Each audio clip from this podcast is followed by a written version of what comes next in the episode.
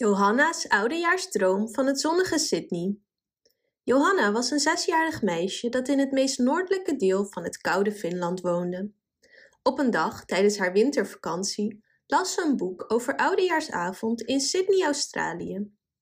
Johanna stond versteld van de plaatjes in het boek. Iedereen droeg korte broeken en t-shirts. Mensen zwommen zelfs in de zee. Ze had nog nooit zoiets gezien. Johanna besloot om meer te leren over Oudejaarsavond in Sydney.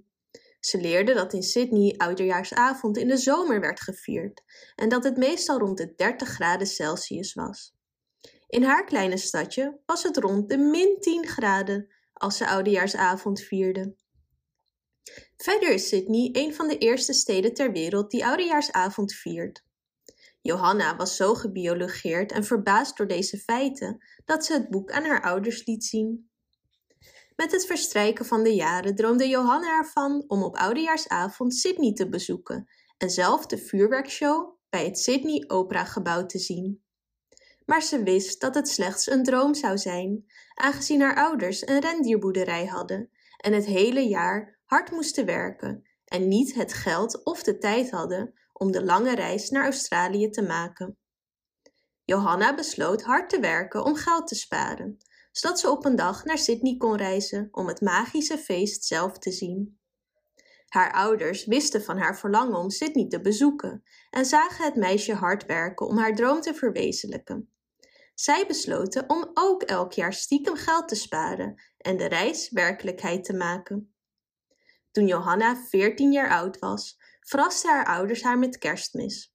Ze kreeg een kaartje waarop stond: Lieve Johanna, je bent zo'n lieve meid geweest en we zien hoe hard je hebt gewerkt.